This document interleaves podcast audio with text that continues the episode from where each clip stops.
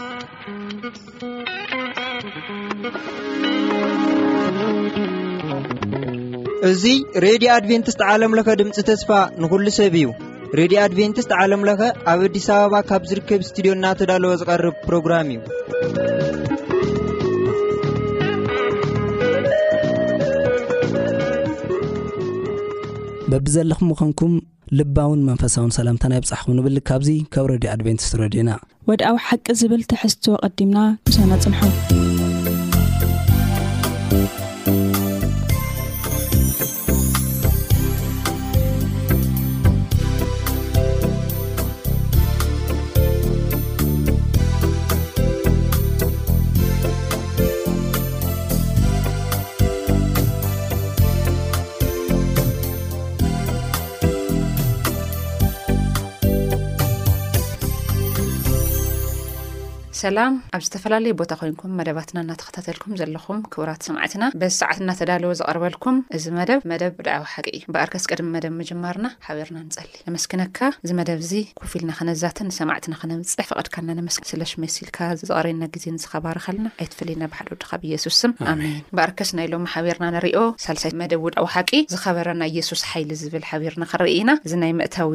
ከኣኒ ምዕራፍ ሓደ ካብ ፍቕዲ ዓሰርተ ትሽዓተ ክሳብ ዕስራ ዝተወሰደ ጥቕሲ ኢና በኣርከስ ቅድሚ ምእታዊ ናብቲ መደብና ግን ሕጽር ዝበለ ታሪክ መእተዊ ክኸውን ብሓውና ኣማን ክንቐርብ ኢና እዚ መደብ እዚ ሒዘ ኣነ ሳሌም ነጋሲ ምስ ሓወይ ኣማን ፍስሃየ ክንጅምሮ ኢና። ሕራይ ሎሚ ንሪኦ ናይቲ ልዕል ዝበለ ጎይታ ሓይሊ ናይቲ ዝኸበረ ጎይታ ሓይሊ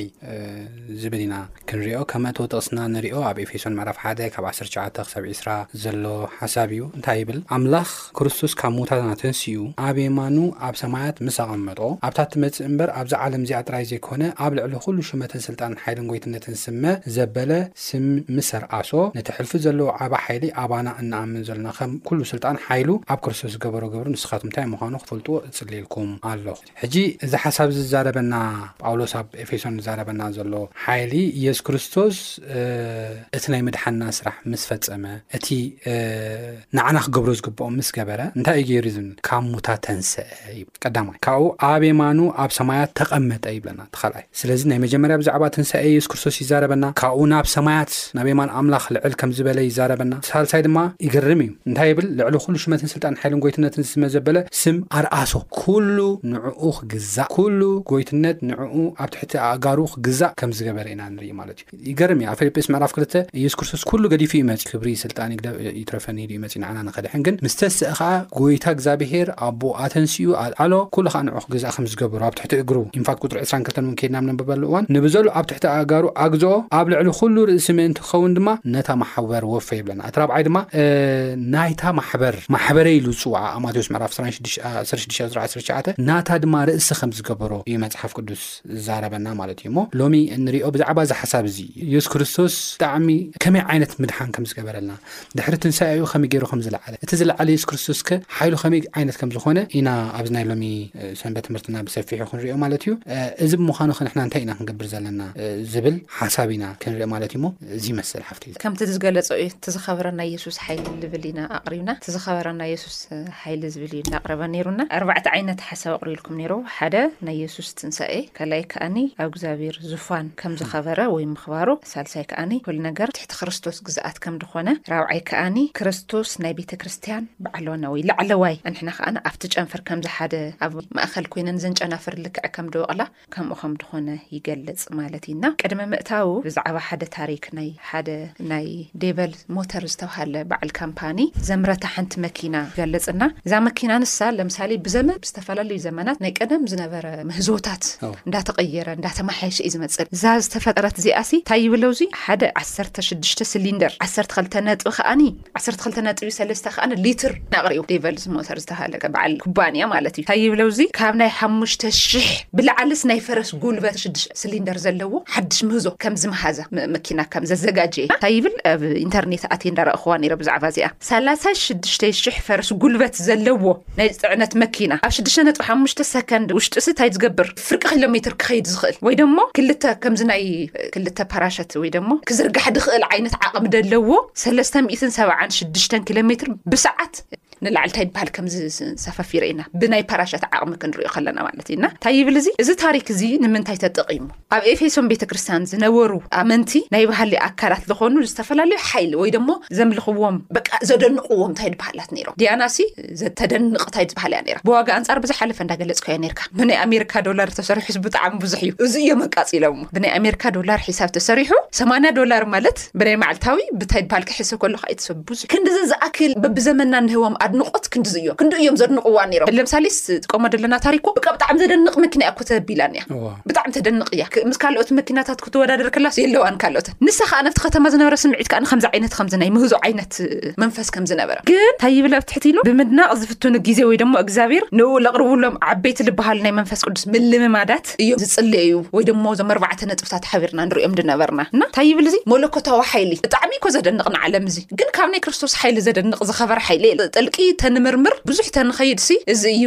እግዚኣብሔር ልብል ብትግርኛ ዝተተርጎመ መዝሙር ኒ ኣማርኛ ኔርሱ ዝተርጎሙ ቃላት መሪፅና ዋላ ተንኸይድሲ ኣይበቅዕን ንናቱ ሓይሊ ክንነግር እዚ ኮ በቃ እዛ መኪና ልመረስረተ እኮ በዓል ካምፓኒ ኮ ዓለም መነጋገሪት እያ ኮይና ግን ንሕና ክንበቅዓ ይንኽእል ንናይ ክርስቶስ ክብሪ ሓይሊ ክንዘንቱ ጥልቂ እዩ ግን እንታይ ኢልዎም ንናይ ትንሳኤ ክብሪ ንክትሳገርሲ ናይ ክርስቶስ ሓይሊ ክርድእካ ክኽእል ኣለዎ ስለዚ ኣብዚ እዩ ማእኸላይ ገይርና ክንዛተና እምበኣር ከስ ክብራት ሰማዕትና ኣብ ዝቕፅል ክንከይድ ኢና ኣትዮ ዘለና ከኣ ዝርደእኩም ደሎ ይመስለኒ ምኽንያቱ ሓይሊ ልብል ንዘመናት መረዳድኡ ኮይኑ ዝፀንሐ እስካብ ሕጂ ናብቲ ናይ ዝቕፅል ክንኣቲ ከለና ክፅልዩን ከመስግኑን ከም ደለዎም እዞም ሰባት እዚኦም ግን ዝኾነ ነገር ጎድልዎም እዩ ስለ ዝጎደሎም እዮም ከም ዝተባሂሎም መኪና እዚኣ ክሬኤት ገይርዋኒ እዮ ኣብ ዝኾነ እዋን ስለ ዝጎደለ እዩ ንዚ ትውልዲ እዚ ተድልዩስ እሳ ስለ ዝኾነት ስለዚ ንዞም ሰባት እዚኦም ከዓ ንምሕዳስ ስለ ደልዮም ሓይሊ ስለ ደልዮም እንታይ ኢልዎም ጸልዩን ኣመስግኑን ኢልዎ እስከ ብኸመይ መልክዕ እዩ ከምኡ ኢልዎ ኣማኒ እስከ ቀጽሎ እሺ ኣብ ቀዳማይ ኣብ ኤፌሶን ምዕራፍ ሓደ ካብ ዓሰርተ ሓሙሽተ ጀሚርና ኣብ ንርእየሉ እዋን ጳውሎስ ዝሃቦ ተኣሽሙ ኣሎ እና ኣነ ይገርመኒ እዩ እዚ ጽሑፍ እዚ ከንብብ ከለኹ ምክንያቱ ጳውሎስ ኣብቲ ናይ ዝሓለፈ ግዜያትና ክንርኢ ከለና ኣብ እስር ቤት ኮይኑ እዩ ጽሒፍዎ እዚ ጽሑፍ እዚ እሞ ኣብ መከራ ኮይኑ ከምዚ ዓይነት ክጽሕፍ ከሎ ንባዕሉ ዘደንቕ እዩ እቲ ጽሑፍ ቅድሚ ምንባብና ማለት እዩ እሞ እንታይ ይብል ስለዚ ኸኣ ኣነ እታ ብጐይታና የሱስ ከርስቶስ ኣብታ ኣባኻትኩም ዘላ እምነትን ንዅሎም ቅዱሳንን ዘሎኩም ፍቕርን ምስ ሰማዕኩ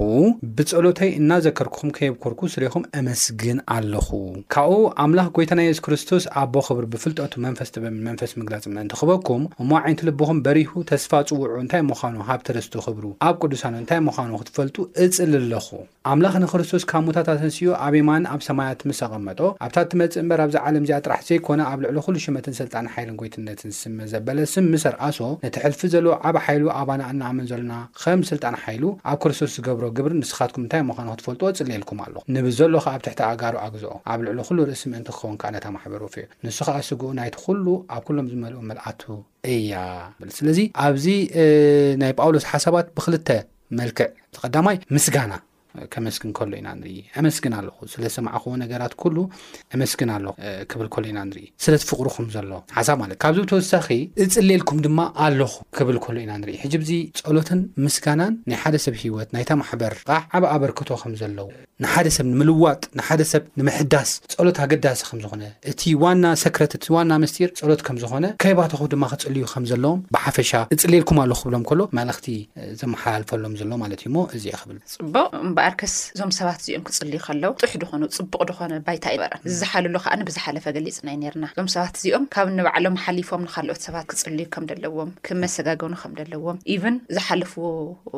ዛንታታት ከስታውሱ ከም ዘለዎም ዓይነት ይብል ነይሩና ምቹ ግዜ ልኸሂ ክኸውን ይኽእል እዩ ክጽልይሉ ዝኽእሉ ግን ሕጂ እውን ክጽልዩ ከም ዘለዎም እያ እታ መላእኽቲ በጺሓቶም እታ ዝበለጸት እያ ምክንያቱ ጳውሎስ ሓይሊ ዝረኸበ ካብ ጸሎት ዝተለዓለ እዩ እና ድሕሪኡ ከዓኒ ከመስግኑ ከለዉ የመስግን ነይሩ ባዕሉ ብዛዕባ ናቶም ስለምንታይ ዝተሳገርዎ መፈንጥረታት ስለ ዝሰምዐ ንኡ ከዓ ንዓወት እዩ ምክንያቱ ኣይከሰረ ክና ደቂ ተሳጊሮም ብልኦም መሳገሪ ኮይንዎም ከምዚ መሰላል ኮይንዎም ይበሃል። ኣምላኽ ጐይታና የሱስ ክርስቶስ ኣቦ ክብሪ ብፍልጠትን መንፈስ ጥበብን መንፈስ ምግላጽን ምእንቲ ክህበኩም እጽልላ። መንፈስ ምግላጽ ሕጂ መንፈስ ምግላጽ ደልዮም ኣለዉ እዞም ሰባት ስለ ደድልዮም እውን ሰዲደሎም ነይሩ ጳውሎስ እና መንፈስ ቅዱስ እውን ክለማመድዎ ከም ደለዎም ድስቲ ክለማመድዎ ክበሃል ከሎ ግን ሎሚ ሎሚ ተለሚዱ እዩ እዚ ኣብ ደንብ ጌርካ ከተብራህርሀለይ ምክንያቱ መንፈስ ኣምላኽ ኩሉ እዩ ዝርከብ እዮም ድብልዎ ግን ሓይሊ ለይወፀሉ መንፈስ ኣምላኽ ኣሎ ጀስት እስከ ብዛዕባ ዘብራህርሀለይ ምክንያቱ ረኺሱ እዩ መንፈስ ኣምላኽ በዚ ሕጂ ዘለናዮ ኩነታት ኣመን ሓወይ ሶልካ ኮይኑ እና ብዛዕባ እዚ ሕጂ ኣብዚኣ ጳውሎስ ዝብሎም ዘሎ ነገር እንታይ እያ እታ ዋና ሓሳብ ኬድና ንርእየሉ እዋን ብጸሎተይ እናዘከርኩኹም ከየብኮርኩ ስሌኹም እመስገን ኣሎኹ ኣምላኽ ጎይታና የሱስ ክርስቶስ ኣቦ ኽብሪ ብፍልጠቱ መንፈስ ጥበብን መንፈስ ምግላጽን ምእንቲ ክህበኩም እጽሊ ኣሎኹ ንዝደኸመ ሕይወት ዝሕድ ንዝዓወረ ዘብርህ ጎይታ የሱስ ክርስቶስ ጥራሕ እዩ ንሱ ኸኣ ብመንፈሱ ገይሩ ጥራሕ እዩ ዝገልጽ ማለት መንፈስ ቅዱስ ግን መን እዩ መንፈስ ቅዱስ ግን መን እዩ ዝወሃቦ መንፈስ ቅዱስ ግን ኣብ መን ሓዲሩ እዩ ስርሑ ክሰርሕ ዝኽእል? ንዝብል ሰለስተ ሓሳባት ኣሎ ኣብ መጽሓፍ ቅዱስ። ብዛዕባ እዚኣ ሓሳብ ሃበኒ ስለ ዝበልክኒ ክህብ ይደሊ። እታ ቀዳመይቲ ሓሳበይ ኣብ ዮሃንስ ወንጌል ምዕራፍ ዓሰርተ ኣርባዕተ ዘላ እያ። ኣብ ዮሃንስ ወንጌል ምዕራፍ ዓሰርተ ኣርባዕተ እንታይ ይብል መስለኪ? እተፍቅሩኒ እንተ ዄንኩምሲ ትእዛዘይ ሓልዉ። ኣነ ነቦኹ ልምኑየ እሞ ንሱ ድማ ንዘለኣለም ምሳኻ ክነብር ካልእ መጸናንዒ ክህበኩም። ስለዚ መንፈስ ቅዱስ ዝወሃቦ መንፈስ ቅዱስ ክገልጸሉ ዝኽእል ንሓደ ሰብ ክእዘዞ ከሎ፣ ቃል ክርስቶስ ሰሚዑ ቃል ክርስቶስ ክእዘዝ ከሎ እዩ። እቲ ካልኣይ ኣብ ሉቃስ ምዕራፍ ዓሰርተ ሓደ እዩ ዘሎ። ሉቃስ ምዕራፍ ዓሰርተ ሓደ ከይድና ኣብ ንርእየሉ እዋን ቁጽሪ ዓሰርተ ሰለስተ እንታይ ይብል? እምበኣርሲ ንስኻትኩም እኳ ክፉኣት ክነስኹም ንደቅኹም ጽቡቕ ህያብ ምሃብ ካብ ፈለጥኩም እቲ ኣብ ሰማይ ዘሎ ኣቦ ግዳ ንዝልምንዎ ክንደይ ኣብዚሑ መንፈስ ቅዱስ ዘይሂቦም። ስለዚ መንፈስ ቅዱስ ክሰርሕ ዝኽእል፣ መንፈስ ቅዱስ ዝገልጽ፣ መንፈስ ቅዱስ ድማ ከስተኻኽል ዝኽእል ነቶም ዝደልይዎ፣ ኣብ ህይወቶም ኣትዩ ክሰርሕ ዝፈቕድሉ ሰብ እምበረይ ንዘይፈቕድሉ ሰባት ኣይከይድን እዩ።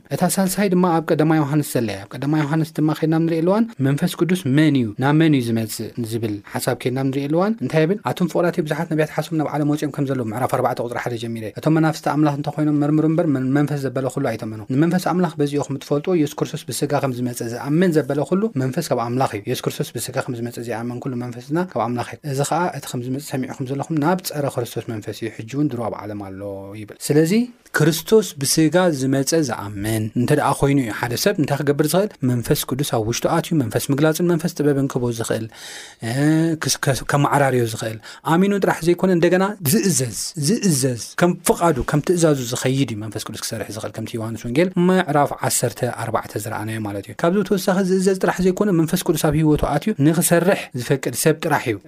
ጎይታ እንታይ ክገብር ዝኽእል ክሰርሕ ዚኸእል ማለት እዩ። ስለዚ ጳውሎስ ኣብዚ ጥቕሲ እዚ ኸድና ኣብ ንርእየሉ እዋን ንሰብ ኤፌሶን መንፈስ ጥበብን መንፈስ ምግላጽን ክህበኩም እልምን ኣሎኹ ክብሎም ከሎ ነቲ ኣባኹም ዘሎ ፍቕሪ ክዓዝዝ እንደገና ክነቓቓሕ እንደገና ክብርትዕ ነቲ ድኻማት ሓድሓደ ዘሎ ጉድለታት ሸፊኑ ድማ ካብኡ ንላዕሊ ተነቓቒሑ ንኽብሪ እግዚኣብሔር ክትቀሙ ክገብረኩም ዝኽእል መንፈስ ቅዱስ ጥራሕ እዩ ስለዚ እዚ ክህበኩም እጽሊ ኣሎኹ እዚ ድማ ንስኻትኩም ክትለማመድዎ ብመንፈስ ምምራሕ ንመንፈስ ምግዛእ ክትለማመድዎ ድማ እላቦ ኣሎኹ ኢሉ ዝዛረብ ኣብ ኤፌሶን ምዕራፍ ሓደ ፍቕድ ዓሰርተ ሽዱሽተ ክሳብ ዓሰርተ ሸውዓተ ከይድና ኣብ ንርእየሉ እዋን ኣብ ቍጽሪ ዓሰርተ ሰለስተን ዓሰርተ ኣርባዕተን እንታይ ይብል መስለኪ፣ ንስኻትኩም ብእኡ ቓል ሓቂ፣ ናይ ምድሓንኩም ወንጌል፣ ምስ ሰማዕኹም፣ ከምታ ዓንቶይ ዝበልኩዋ፣ ብእኡውን ምስ ኣመንኩም፣ ብናይ ተስፋ መንፈስ ቅዱስ ተሓተምኩም። ብዝሓለፈ ብዛዕባ ማሕተም ተዛራሪብና ኔርና ኢና። ንሱ ንምድሓን ጥሪቱ፣ ንውዳሴ ክብሩ፣ ዕርቡን ርስትና እዩ ኢሉ ክዛረቦም ከሎ ኢና ንርኢ። ስለዚ መንፈስ ቅዱስ ኩለንተናና እዩ። ርስቲ ከም ንረክብ ዕርቡና እዩ። ከም ንወሃብሲ ርግጽ እንኾነሉ ነገር እዩ። ስለዚ እዚ መንፈስ ቅዱስ ኣብ ሕይወትና ክመርሓና እሞ ኣዒንቲ ልብና ከኣ በሪሁ ተስፋ ጽውዑ እንታይ ምዃኑ ተረዲእና ሃብቲ ርስቲ ክብሪ ቅዱሳን እንታይ ምዃኑ ድማ ፈሊጥና ክንነብር መንፈስ ቅዱስ ኣድላዪ ካብ ምዃኑ ዝተልዓለ መንፈስ ቅዱስ ክለማመዶ ንሰብ ኤፌሶም ይጽሕፈሎም ከም ዝነበረ ኢና ንርኢ እዚ ግን ኣብ ሰብ ኤፌሶን ጥራሕ ዝተረፈ ኣይኮነን ካብኡ ሓሊፉ ንሕና እውን ብዝተረድኣና መንገዲ ንመንፈስ ቅዱስ ተገዚእና ፍቓደኛታት ኮይና ኣብ ህይወትና ንኽሰርሕ ርእስና ኣትሒትና መንፈስ ምግላጽን መንፈስ ጥበብን ካብኡ ክንቀበል ይግባእ ዝብል ሓሳብ እዩ ዘለኒ እወ እምበኣርከስ ኣብ ዝኾነ ሓሳብ ክትገልጽ ከለኻ ደስ ትበለኒ ክንለማንመዶ ዝግበአና ነገር ልብል ሓሳብ ነይሩና እስኪ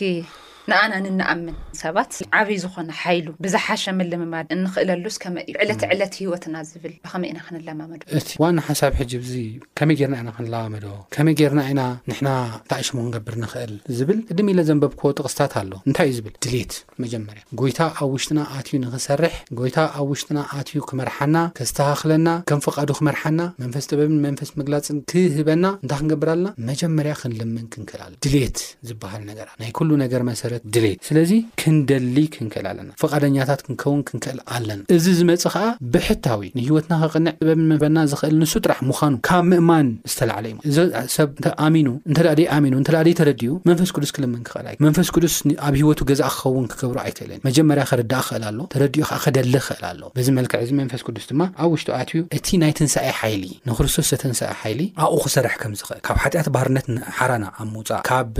ክፍኣት ሓራ ኣብ ምውጻእ፣ ከም ፍቓዱ ኣብ ምምላስ፣ ስጋዊ ስዒሩ ብመንፈስ ኣብ ምምላስ፣ ናይ መንፈስ ፍረ ኣብ ምፍራይ፣ እቲ ናይ ትንሳኤ ሓይሊ ኣብኡ ክሰርሕ ከም ዝኽእል ኢና ንርኢ ማለት እዩ። እንተ ደልዩ መንፈስ ቅዱስ እንተ ኣብ ውሽጡ ክሰርሕ እንተ ፈቒዱ በዚ መልክዕ እዚ መንፈስ ቅዱስ ኣብ ህይወቱ ኮይኑ ብምስራሕ ብቕኑዕ መንገዲ፣ ብጽድቂ ሓጢኣት ብምስዓር ክነብር ከም ዘኽእሎ ኢዩ ዝዛረበና ዘሎ ማለት ኢዩ ኣብዚ ሓሳብ እዚ ከድና ኣብ ንርእየሉ እዋን እንታይ ይብል ነቲ ሕልፊ ዘሎ ዓቢ ሓይሊ ኣባና እንኣምን ዘሎና ከም ስልጣን ሓይሉ ኣብ ክርስቶስ ዝገበሮ ግብሪ ንስኻትኩም እንታይ ምዃኑ ክትፈልጥዎ ወይ ድማ ክትፈልጥዎ እጽሊ ኣሎኹ ስለዚ በዚ መልክዕ እዚ ኢየ ሓሳብ ክህብ ጽቡቕ እምበኣርከስ ናትና ፍቓደኝነት ኢዩ ዝውስኖ እወ ንሱን ክንለማመድ እንተ ደኣ ኮይንና ልብል ነገር ኢዩ ናብ ዝቕጽል ከኣ ናይቲ ዝመጽእ ናይ ትንሳኤ ሓይሊ ሓይሊ ተሳተፍቲ ክኾኑ ሲ ቀድሚ እዩ መግለፂ ተዋሂቦ ነይሩ ፍቓደኛ ዝኾነ ኣብቲ ትንሳኤት ክሳተፍ ድኽእል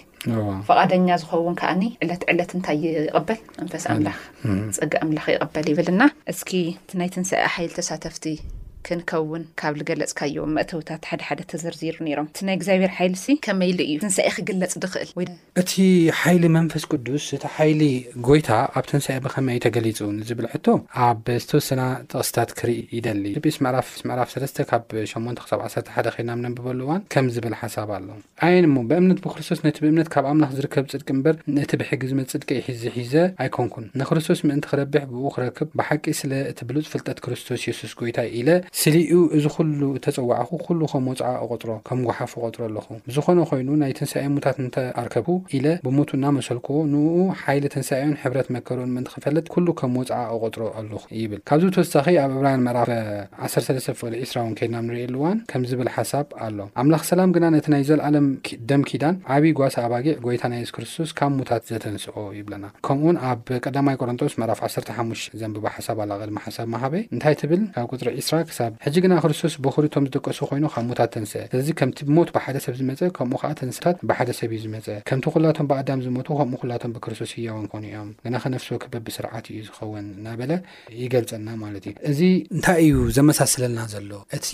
ናይ ትንሳኤ ሓይሊ ናይ መንፈስ ቅዱስ ሓይሊ እቲ ናይ እግዚኣብሔር ሓይሊ ንክርስቶስ ካብ ሙታን ዝተንስኦ ንሰብ ውን ንዓና ንሓጢኣተኛታት ውን ብሓጢኣትናን ብበደልናን ከምቲ ኣብ ኤፌሶን ምዕራፍ 2 ፍቕደ 2 ዘሎ ብሓጢኣትናን ብበደልናን ሙታት ዝነበርና ሰባት ውን ህያው ኣብ ምግባር ኣብ ምትንሳእ ብሓድሽ ህይወት ንክንመላለስ ኣብ ምግባር ዓብዪ ሓይሊ ኣለዎ እዩ ዓብዪ ሓይሊ ኣለዎ እዩ ዓብዪ ተግባር ኣብ ህይወትና ክፍጽም ይኽእል እዩ ስለዚ ነዚ እዩ መንፈስ ቅዱስ ኣብ ህይወቶም ክገልጸሎም፣ እቲ ጽውዓ ከፍልጦም፣ ሓይሊ ከልብሶም ንክርስትያናት ንኤፌሶን ሰብ ኤፌሶን ዝጽልየሎምን ዝምሕጸኖምን ዘሎ ማለት እዩ። ኣብዚ ሓሳብ እዚ ከድና ኣብ ንርእየሉ እዋን ማለት እዩ። መንፈስ ቅዱስ እዩ ህያው ክገብረኩም ዝኽእል፣ መንፈስ ቅዱስ እዩ ካብ ምዉት ግብርኹም ከተስኣኩም ዝኽእል እናበለ ዝገልጸሎም ዘሎ ማለት እዩ።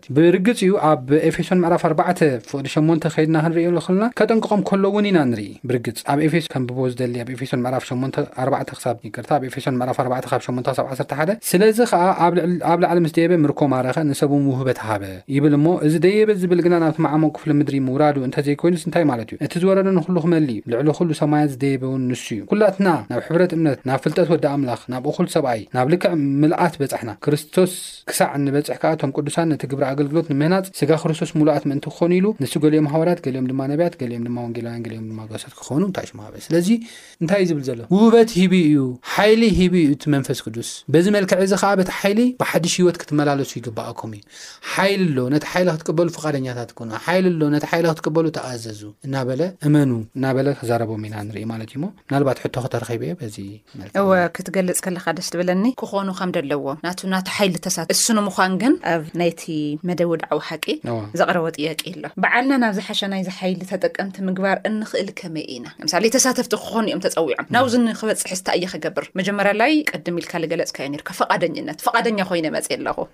ንሱ ከገብር ከታይ ታይ እዩ ዘድለየኒ እንታይታ ዓይነት ክራይተርያ እንታይታ ዓይነት ገፀ ባህር ዩ ክጫወት ደለኒ ዝሕሪኡ ደለ ናብቲ ናቱ ሓይልት እዩ ንኸይንበፅሕ ዝገብሩና ምሳሌ ተሳተፍቲ ክንኸውን ኢና ተዓዲምና ናብ ዝሓሸ ዝበሃል ተጠቀምቲ ምግባር እንኽእለሉኸ እንታይ እዩ ከመ እዩ ሕጂ እቲ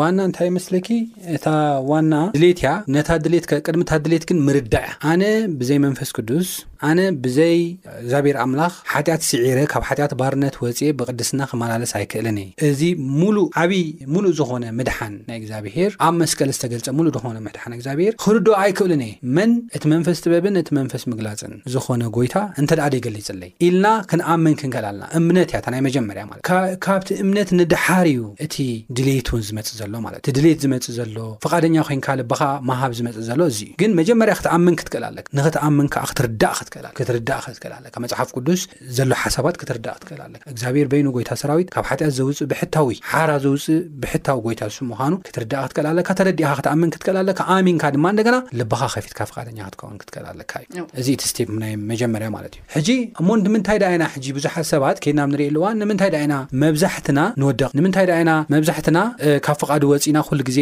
ኣብ ውድቀት ንርከብ ዝብል ሕቶ ከይድ ክትሪእሉ እዋን ብሰለስተ መልክዑ ክንሪኦ ንኽእል ኢና። ኣብ ኤፌሶን ምዕራፍ ሽዱሽተ ፍቕዲ ዓሰርተ ክልተ ዝተጠቕሰ ነገራት ኣሎ። ቅልስና ምስ መን ከም ዝኾነ ዘይምርዳእ እዩ። ኤፌሶን ምዕራፍ ሽዱሽተ ፍቕዲ ዓሰርተ ክልተ ከይድና ኣብ ንርእየሉ እዋን ቅልስኩም ምስ ሕልቅነትን ይብለና ሓቀይ ምስ ሕልቅነትን ስልጣናትን ምስ ናይ ጸልማት ገዛእቲ ዓለምን ምስ መናፍስቲ እከይን ኣብ ሰማያት እዩ እምበር ምስ ስጋን ደምን ኣይኮነን ይብለና። ቅልስና ምስ መን ምዃኑ ካብ ዘይምርዳእና ዝተላዕለ እዩ። ምስ ሰብ ይመስለና እሞ ነቲ ሰብ ኢና ንሕና እንታይ ስሙ ንገብር። ካብዚ ብተወሳኺ ከመይ ጌርና ከም እንቃለስ ምስዞም ሕልቅነታትን ምስ በዓል ድያብሎስ ምን መናፍስትን ከመይ ጌርና ከም እንቃለስ ከኣ ዘይምርዳእና ኣብ ውድቀት ኩሉ ግዜ እንታይ ስሙ ዝገብረና ከም ዝኾነ ኢና ንርኢ። ካብዚ ብተወሳኺ ሓይሊ መንፈስ ቅዱስ ከኣ ካብዚ ከውጽኣና ዝኽእል እቲ ምድሓን ኣምላኽ ገሊጹ ድኸኣ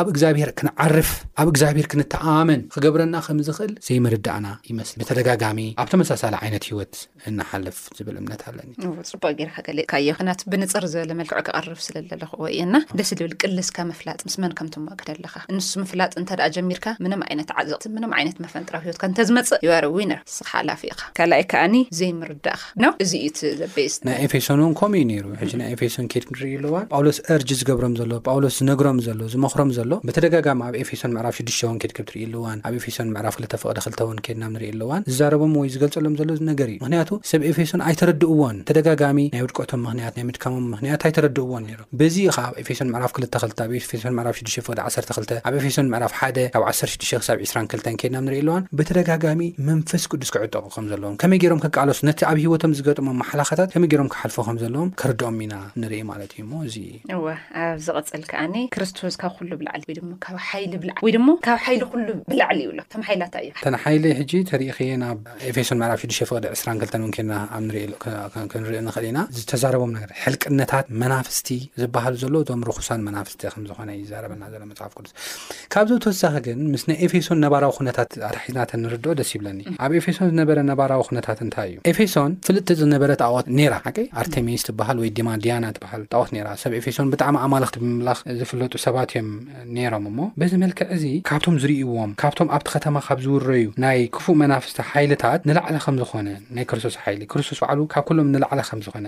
እዩ ዝዛረብ ግብረ ሃዋርያት ምዕራፍ 19 ከንብቦ ዝደሊ ሓሳብ ኣለኒ ካብ ዓሰርተ ሓደ ጀሚረ እንታይ ይብል? ኣምላኽ ከኣ ብኢድ ጳውሎስ ብዙሕ በይኑ ዝኾነ ተኣምራት ገበረ። መኣረሚኡ ወይ ክዳኑ ኣብ ዝባኑ ወሲዶም ኣብቶም ሕሙማት የንብሩ ነበሩ እሞ ሕማም ይሓድጎም ነበረ። ርኹሳን መናፍስቲ ካባታቶም ይወጹ ነበሩ። ካብቶም ኣስማት እናገበሩ ዝዞሩ ኣይሁድ ሓያሎ ነቶም ርኹሳን መናፍስቲ ዝሓደሩዎም በቲ ጳውሎስ ዝሰበኾ ኢየሱስ እነምሕለኩም ኣሎና ኢሎም ስም ጐይታና ኢየሱስ ክሰምዩሎም ፈተኑ። እቶም እዚ ዝገብሩ ሸውዓተ ደቂ ሓደ ኣስቄዋ ዝበሃል ኣይሁዳዊ ሊቀ ካህናት እዮም። እቲ ርኹስ መንፈስ ድማ ንኢየሱስ ዝፈልጦ ጳውሎስ እውን ኣይቶን እየ ንስኻትኩም እንታዎት ኢኹም ኢሉ መለሰሎም። እቲ ርኹስ መንፈስ ዝሓደሮ ሰብኣይ ከኣ ጎዮዮም፣ ጥራይ ኮይኖም ከኣ ቆሲሎም ካብ ቤት ክሳዕ ዝሃድሙ ንኽልተ ከባታቶም ተባላቲዑ ኣሕመቖም። እዚ ነገር እዚ ካብቶም ኣብ ኤፌሶን ዝነበሩ ኣይሁድን ጾርኣን ኩላቶም ተፈልጠ። ንኹላቶም ፍርሃት ወደቖም፣ ስም ጎይታና የሱስ ክርስቶስ ከኣ ተመስገነ። ካብቶም ዝኣምኑ ከኣ ብዙሓት ዝገበርዎ እናተኣመኑን እናነገሩን መጹ፣ ብዙሓት ጠንቆልትን ድማ መጽሓፍቶም ኣኪቦም ኣብ ቅድሚ ኩሉ ኣንደድዎ፣ ዋግኡ ምስ ተጸብጸበ ከኣ ሓምሳ ሽሕ ድሪም ኮይኑ ተረኽበ፣ ቃል ጎይታውን ከምዚ ኢሉ ዓበየን ሓየለን ይብለና። ስለዚ እዚ ሓሳብ እዚ እንታይ እዩ ዝብለና ዘሎ? ስም የሱስ ክርስቶስ ሒዙ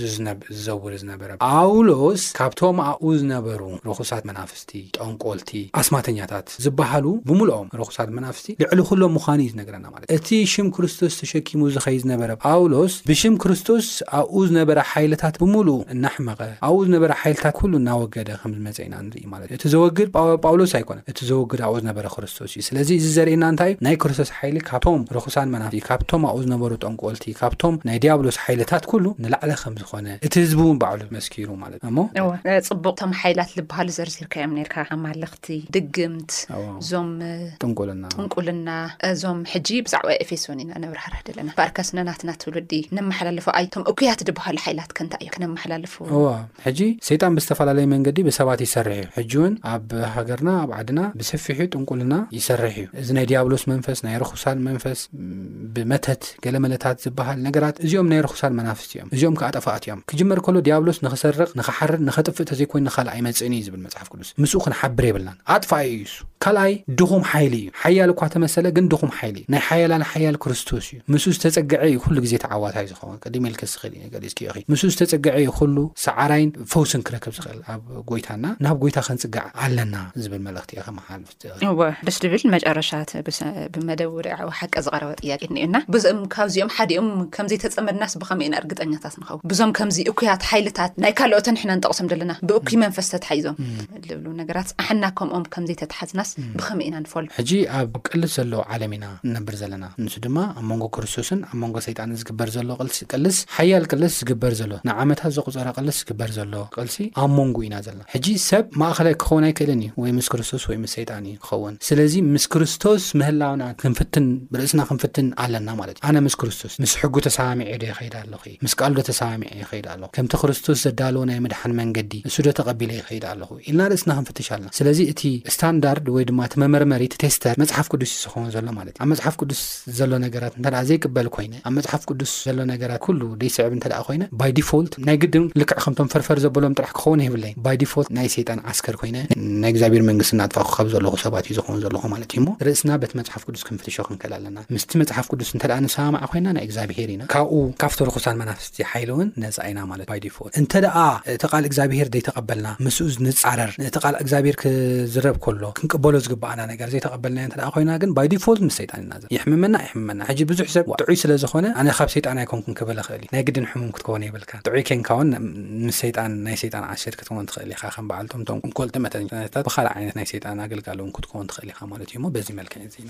እወ ንምንታይ እቲ ሓሳብ ዘልዐልኩልካ እተረድእካ ይመስለኒ እና ብዙሕ ሰብ እዚ መጽሓፍ እዚ ከንብብ ከሎ ኣይ እዚ ንሰብ ኤፌሶን እዩ ተላኢኹ ንኣና እንታይ እዩ ኣድላይነት ደለዎ ብዝብል ክርድኦ ይኽእል እዩ እና ኣድላይነት ኣለዎ ያ ስለምንታይ ኣንታ ዓሻ ዝደቀስካ እንተ ደኣ ኮንካስ ተባራበር ተበራበር እም፣ ኣምላኽ ክብረልካ እዩ ኣምላኽ ከብርሃልካ ይብልና ምክንያቱ ኩሎም ምድሪ ደሉ ክብሪ ኣምላኽ ጎዲልዎ እዩ ካብ ምንታይ ካብ ዝተለዓለ ሓጢኣት ወይ ሕጊ ካብ ምትሕልላፉ ዝተለዓለ ስለ- ዋው። ስለዚ ምሕዳስ ስለ ደለካ ናይ ግድን እንታይ ክትኸውን ኣለካ ማለት እዩ ክትባራበር ክትበራበር ትኽእል ኣለካ። ኣብዚ ናይ መጨረሻ እንዛተየሉ የሱስ ኩሉ ነገርን ናይ ቤተ ክርስትያን ላዕለዋይ ኣካልን ከም ዝኾነ እዚ ከኣኒ ኣብ ሰብ ኤፌሶን ዝነበረ ኣብ ሕድሕድ ኣባላት ቤተ ክርስትያናት ከም ደሎ እዚ መንፈስ እዚ ስለምንታይ ኣብ ኤፌሶን ዝነበረ መንፈስ ሕጂ እውን ኣብ ዝተፈላለዩ ቤታት ስለ ደሎ ማለት እግዚኣብሔር ንኣኻ ጥራሕ ዳዓደመካ ንስኻ ጥራሕ ናይ ሕሩይ ብቃ ንነውሶም ከምዚ ይርእዩ ነይሮም ኩሎም ግን ሓደ እዮም ክርስቶስ እዩ ኣብ ክርስቶስ እዮም ዝጥርነፉ ስለዚ ክርስቶስ ናይ ኩሉ ኣካል ክርስቶስ ከኣ ናይዛ ቤተ ክርስትያን ላዕለዋይ እቶም ታሕተዎት ከም ካልኦት ኣገልገልቲ ትሕቲ እዚ ክርስቶስ ከም ድኾንና ብዛዕባ እዚ ንእሽተይ መብራህርሂ ክትህበልና። እወ ሕጂ እንታይ እዩ እቲ ጥቕሙ እንታይ እያ ትርባሕ? እወ ክርስቶስ ልዕሊ ኩሉ እዩ ኩሉ ብኹሉ እዩ ናይታ ማሕበር ከኣ ርእሲ እዩ ስለዚ ናይታ ማሕበር ርእሲ ብምዃኑ ነታ ማሕበር ዝጠቕማ እንታይ እዩ ዝብል ብሕጽር ዝበለ ሓሳብ ኣእትዩ ሕጂ ኢየሱስ ክርስቶስ ንሰይጣንን ነቶም ናይ ጸልማት ገዛእትን ስዒሩ ተሲኡ እግዚኣብሔር ይመስገን። ነቶም ሓይልታት፣ ልዕሊ እቶም ኩሎም ሓይልታት ውን እዩ ኢልና ኢና። ልዕሊ እቶም ኩሎም ሓይልታት ውን እዩ። ንዕኦም ኣንበርኪኹ እዩ። ስዒሩ እዩ ኣብ የማን ኣብ ቦትኡ ተቐሚጡ። እቲ ናይ ድያብሎስ ሓሳብ፣ እቲ ናይ ድያብሎስ ትምኒት፣ እቲ ናይ ድያብሎስ ድሌት እንታይ እዩ ነይሩ? ኣብ መስቀል ቀቲሉ ከትርፎ እዩ ነይሩ የሱስ ክርስቶስ። ኣብ መቓብር ናይ የሱስ ክርስቶስ ነገር ክድምድሞ እዩ ኢሉ ነይሩ። ነገር ግን ክድምድሞ ኣይከኣለን። የሱስ ክርስቶስ ተሲኡ እዩ። ስለዚ እዚ ተዓዋታይ፣ እዚ ሓያል ዝኾነ፣ እዚ ልዕሊ ኩሉ ዝኾነ ጎይታ ማሕበር ክርስቶስ ምዃኑ እታ ቤተክርስትያን ወይ ድማ እታ ማሕበሩ ዓዋቲት ክትከውን፣ ኣብ ናይ ጸልማት ሓይሊ ተዓዋቲት ክትከውን፣ ኣብ ናይ ክፉእ መንፈስ ሓይልታት ተዓዋቲት ገይርዋ። ትዝክሪ ኢኺ ኣብ ማቴዎስ ምዕራፍ ዓሰርተ ሽዱሽተ ፍቕዲ ዓሰርተ ትሽዓተ ኬድና ኣብ ንርእየሉ እዋን እንታይ እዩ ዝብለና መጽሓፍ ቅዱስ? ደገታት ሲኦልውን ኣይክእልዋን እዮም። ደገታት ሲኦልውንስ ኣይክእልዋን እዮም። እናፍረሰት ነቲ ሰይጣን ዝሓጸሮ ሓጹር እናፍረሰት ኣብ ናይ ድያብሎስ ግዝኣት ሰለዉ ብወንጌል ሓይሊ እናሰበኸት እንታይ ትገብር እያ እታ ማሕበር ኣምላኽ እናምጸት ናይ ክርስቶስ ምርኮ ትገብር እያ። ስለዚ ካብ መን ዝተላዕለ እዩ እንተ ኢልና ካብ ክርስቶስ ዝተላዕለ። ክርስቶስ ርእሲ እታ ማሕበር ካብ ምዃኑ እዚ እዩ